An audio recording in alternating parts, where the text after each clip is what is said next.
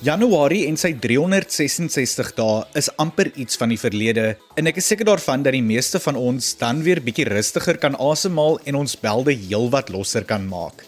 Ja, as daar nou een ding is wat elke Suid-Afrikaner seker uit elke Januarie kan leer, is dit om meer verantwoordelik met ons geld sake te werk. Hallo hallo, ek is Adrian Brandt en ek kuier vir die volgende paar minute saam met jou in Kompas net hier op RSG. Januarie is gewoonlik 'n maand waar elkeen van ons ons allerbeste doen om elke sent om te draai, maar maak nie saak wat ons doen nie, dikwels eindig ons met meer maand as geld. Vir baie mag dit dalk normaal wees, want hey, dit gebeur mos net een keer 'n jaar, maar tog spreek dit na 'n ernstige kwessie, iets wat wel 'n realiteit in ons land is, 'n gebrek aan finansiële opvoedkunde. Vanaand in Kompas gesels ons juis hieroor en probeer ons om ons jong mense op te voed en hulle te bemagtig om verantwoordelik met hulle geld om te gaan. Nou wanneer ons oor verantwoordelike persoonlike finansiële bestuur gesels, dink ons tipies aan slegs een ding, naamlik om te spaar. Maar soos ek geleer het, gaan dit oor soveel meer as om net elke maand 'n paar rand in jou spaarrekening by die bank te deponeer. Op skool is daar 'n deel hiervan waarvan ons nie altyd geleer word nie, en dit is om planne en polisse en dies meer in plek te hê vir wanneer iets met ons later in die lewe gebeur. Ek het onlangs met 'n jong finansiële makelaar gesels en meer uitgevind waarom ons jong mense nie gretig is om te spaar nie, die foute wat hulle maak wanneer hulle wel begin spaar, as ook die tipiese planne en polisse wat jy in plek behoort te kry wanneer jy jou eerste vaste inkomste begin ontvang. Soos ek gesê het, het ek by 'n jong finansiële makelaar, Christopher Julies, gaan aanklop vir raad en hy vertel nou vir ons presies waarom hierdie tema juis so van toepassing is op ons jong mense. Christopher, ons gesels vanaand oor iets wat hulle vir ons nooit op skool geleer het nie, maar wat sekerlik brood nodig is, en dit is natuurlik finansiële beplanning vir die jong mense. Dit is 'n baie breë en wye konsep. Nou, jy is 'n finansiële makelaar, so jy werk gereeld met mense, veral ook jong mense. Wat is die algemene houdings wat jy optel onder jong mense as dit by finansiële beplanning kom? Het sy dit nou goed of sleg wees? Ek sal sê in my persoonlike opinie is dit meerderheid van die keer nie positief nie en as ek sê nie positief nie, sal ek sê is omdat hulle nie goed ingelig is rakende finansiële beplanning nie en daar is ook 'n groot wanpersepsie. En daar's 'n paar redes. Eerstens hulle voel hulle is te jonk om na finansiële beplanning te kyk of aandag daaraan te gee. Uh, hulle voel hulle is finansiëel reg waar hulle tans is nie en ook dis grootliks nie 'n prioriteit vir hulle nie. En ek dink dat hulle groot verskil gemaak het as hulle 'n bietjie meer agtergrond gehad het, kom ons sê soos wat hulle nou groot raak deur hulle ouers, want op 'n vandag as hulle net tyd sal maak om te luister en actually besef hoe belangrik dit is om daardie goeders in plek te hê, maak nie saak wat se jy is nie, want op 'n ander dag enigiets kan gebeur en dit is waar finansiële beplanning gaan om jouself finansiëel te beskerm sou enigiets gebeur in die lewe wat jou van koers af vat.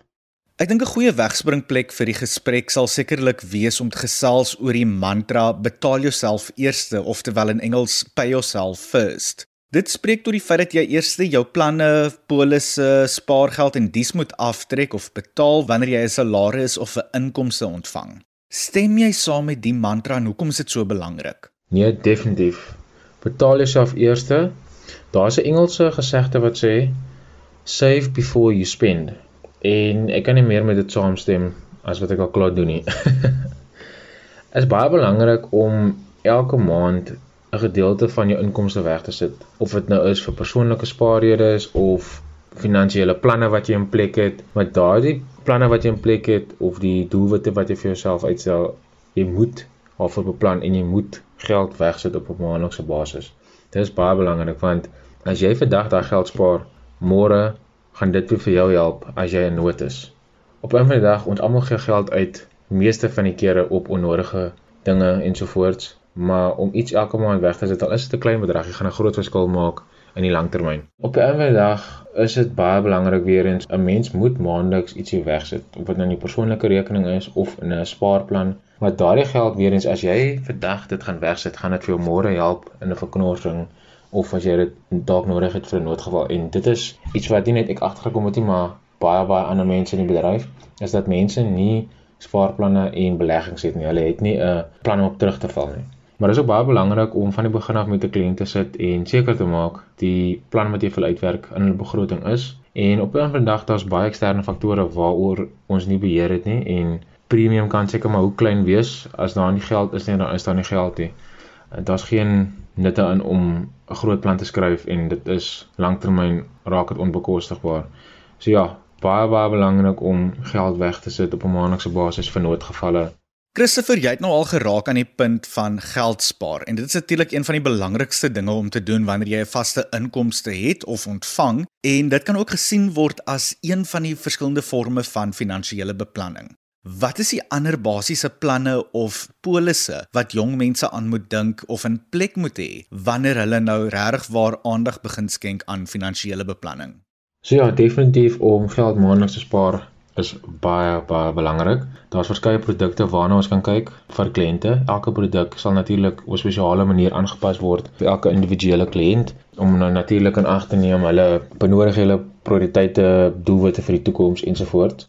Maar daar is ander planne wat voorkeur moet kry in my persoonlike opinie wat ons noem risikodekking, risikopolisse en dit is planne wat jy in plek sit vir die dag as die onvoorspelbare gebeur. Goeters wat jy nie voor kan beplan nie, maar dit veral kom by jou gesondheid, dood, ongeskiktheid, kroniese siektes ensovoorts. En wat meeste mense soms nie weet nie is dat dit verskriklik duur is om behandeling te kry vir sekere ongelukke, siektes.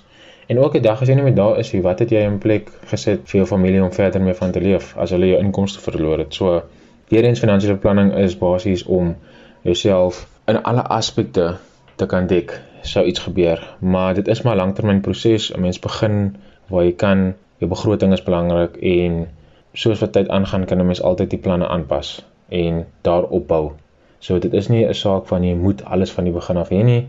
Jy begin klein en jy bou van daar af op. Christopher, dit wat jy nou als genoem het, klink dalk vir baie van die jong mense Grieks, maar wil jy nie vir ons bietjie verduidelik wat dit als dek en waarteen dit ons beskerm as jy hierdie planne en polisse in plek het nie? So uh, natuurlik jy het jou aftreeanniteit, jy het jou spaarplan, jy het jou belegging en ensovoorts. En dan natuurlik, soos ek genoem het, wat voorkeur eintlik moet kry is jou risikodekking om te plan vir die onvoorsiene. Kort en kragtig, dit sal jou dek die dag as jy doodgaan natuurlik 'n plan in plek wees wat 'n bedrag uitbetaal aan die persoon wat jy wil hê dit moet kry of jy het 'n plan in plek wat jou sal dek op die dag van 'n tydelike of 'n permanente ongeskiktheid dan het jy ook 'n plan wat jy sal dek sou jy 'n kroniese siekte kry.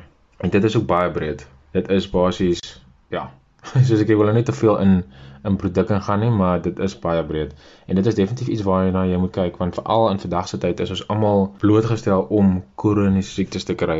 En dit gaan nie meer oor familiegeskiedenis van siektes nie, maar dit is maar in die wêreld waarin ons leef, die soorte kosse wat ons inneem wat dit veroorsaak. So ja, mense moet definitief uitkyk daarvoor. Christopher Suid-Afrikaners staan nie oor die algemeen bekend as 'n klomp mense wat spaar nie. Ons sien dit gereeld in Desember wanneer ons in die nou lewe en dan kom Januarie sukkel ons maar. Dit gaan maar goor. Hoekom is dit so belangrik om te beplan en jy weet te dink vir die toekoms en hierdie planne en polisse in plek te kry en sodoende ook te spaar en veral ook al op 'n jong ouderdom?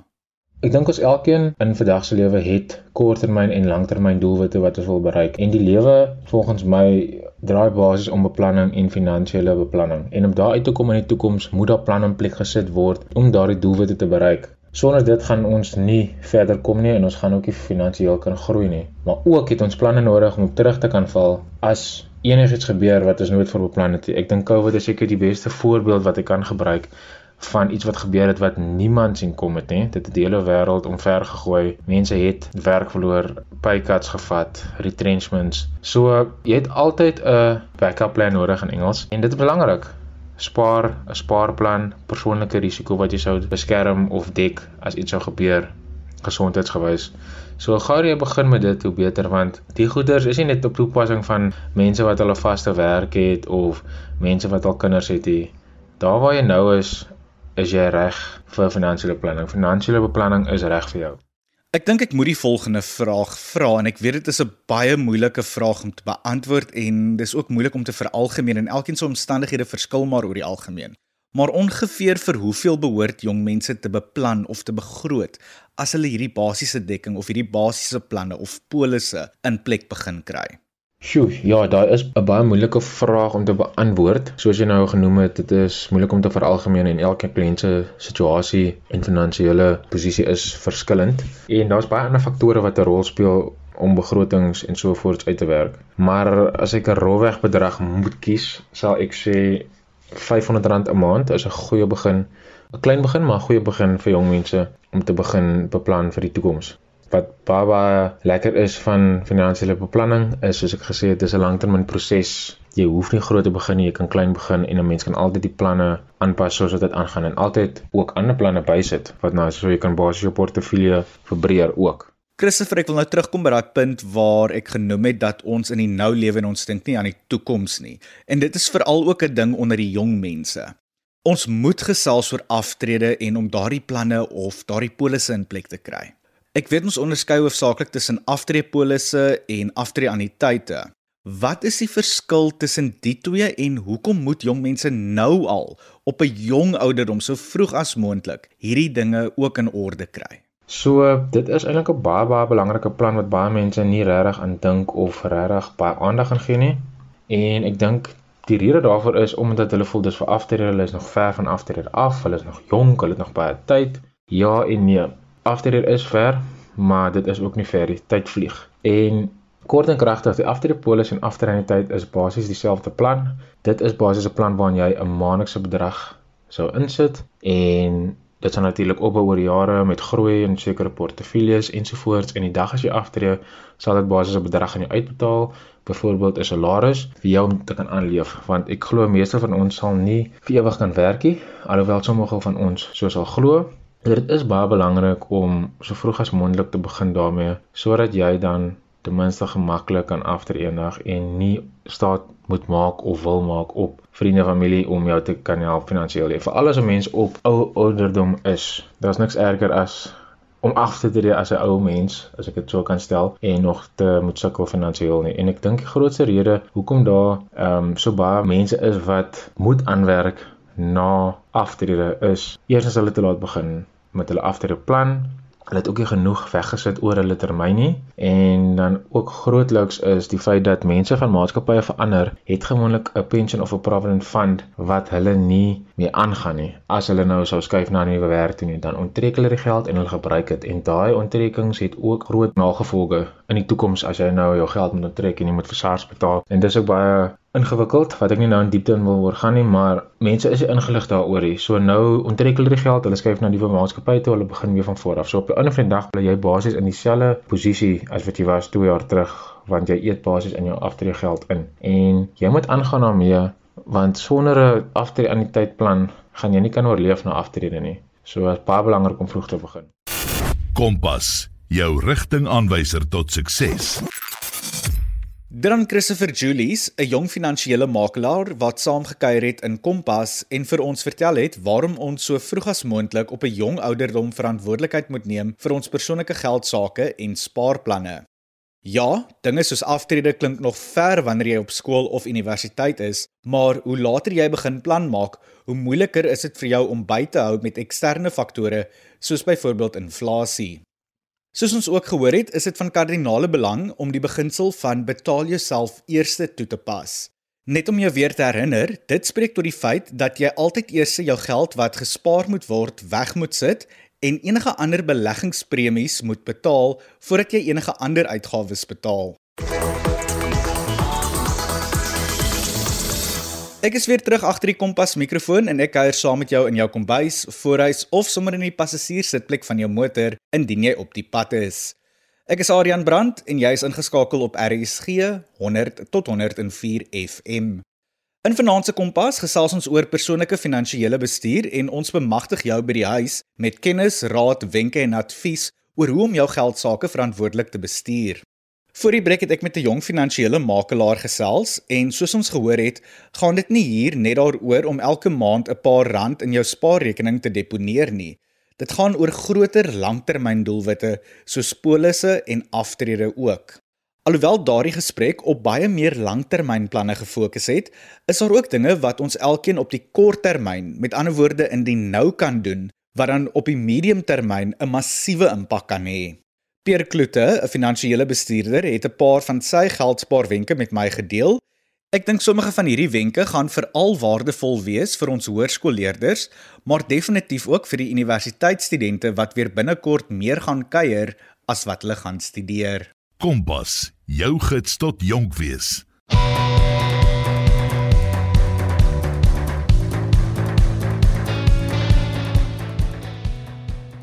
Maar ja, ek dink om net te begin, ek dink daar's baie Suid-Afrikaners, insluitend ek, wat tot die besef kom dat jou salaris nie meer so ver strek soos wat jy gedink het ons wat dit eens gedoen het hier. Dat nou bydra inflasie, koste van voedsel, brandstof en net die alledaagse lewenskoste en dit verswak natuurlik jou koopkrag heelwat ja, wat ek doen aan my kant is om op 'n gereelde basis my versekeringspolisse te hersien dat jy kan jou op jou premies te kan spaar.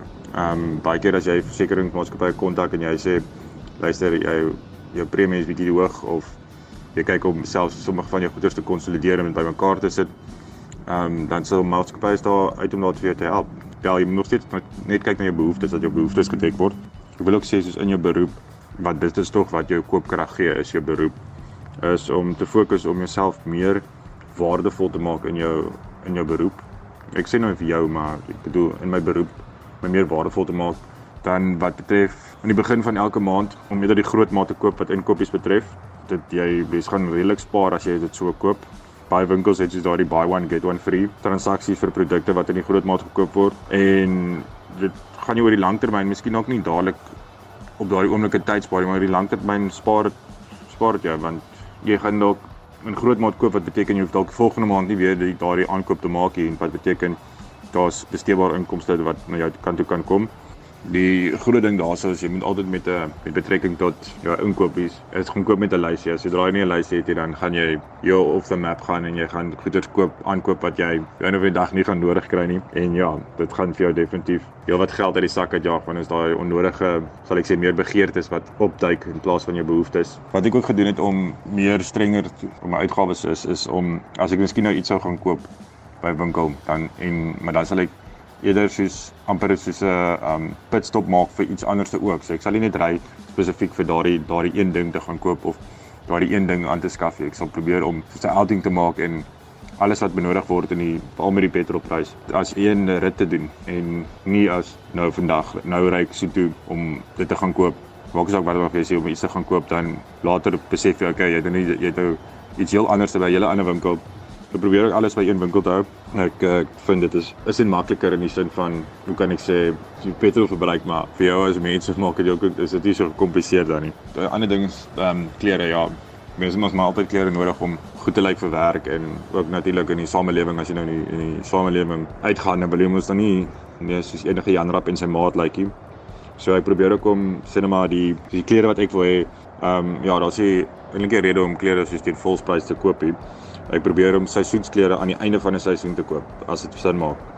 Um in plaas van aan die begin want koop jy klere wat jy aan die begin koop dan gaan jy volprys betaal. En ja, dit is dit is nogal 'n redelike verskil as jy gaan sien as jy klere sal koop, kom ons sê buite seisoen as ek dit nou so kan noem, kom ons sê wintersklere miskien in die somermaand vir volgende jaar gaan jy rel relatief baie spaar ook so. Okay, wanneer nou kom jy uitgaan en jouself nie in 'n kluisenaar hou nie. Dis 'n maniere waarop jy kan definitief bespaar en dis ook om as jy nou besluit om uit te gaan, gaan jy na 'n plek toe wat 'n happy hour het as jy nou wil ietsie drink. So buy one get one free of jy gaan na 'n plek toe wat soos promosies aanbied. Ek weet deesdae met hierdie met hierdie ehm um, kitskos het baie van hierdie ehm um, apps mos nou natuurlik vir jou wat hulle vir jou promosies aanbied op sekere dae by sekere plekke en so voort. Maak nog ons redelik gebruik van dit. Ja, dis nou iets wat sal ek sê my my ma baie doen.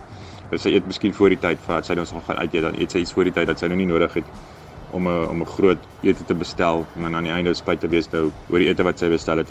Ook die ander ding is ehm um, ek is nie eintlik jy is iemand vir 'n voorgereg so ek sal maar net nie die normale sal ek sê hoofmaaltyd vat en dan sal ek nagereg by die huis gaan eet.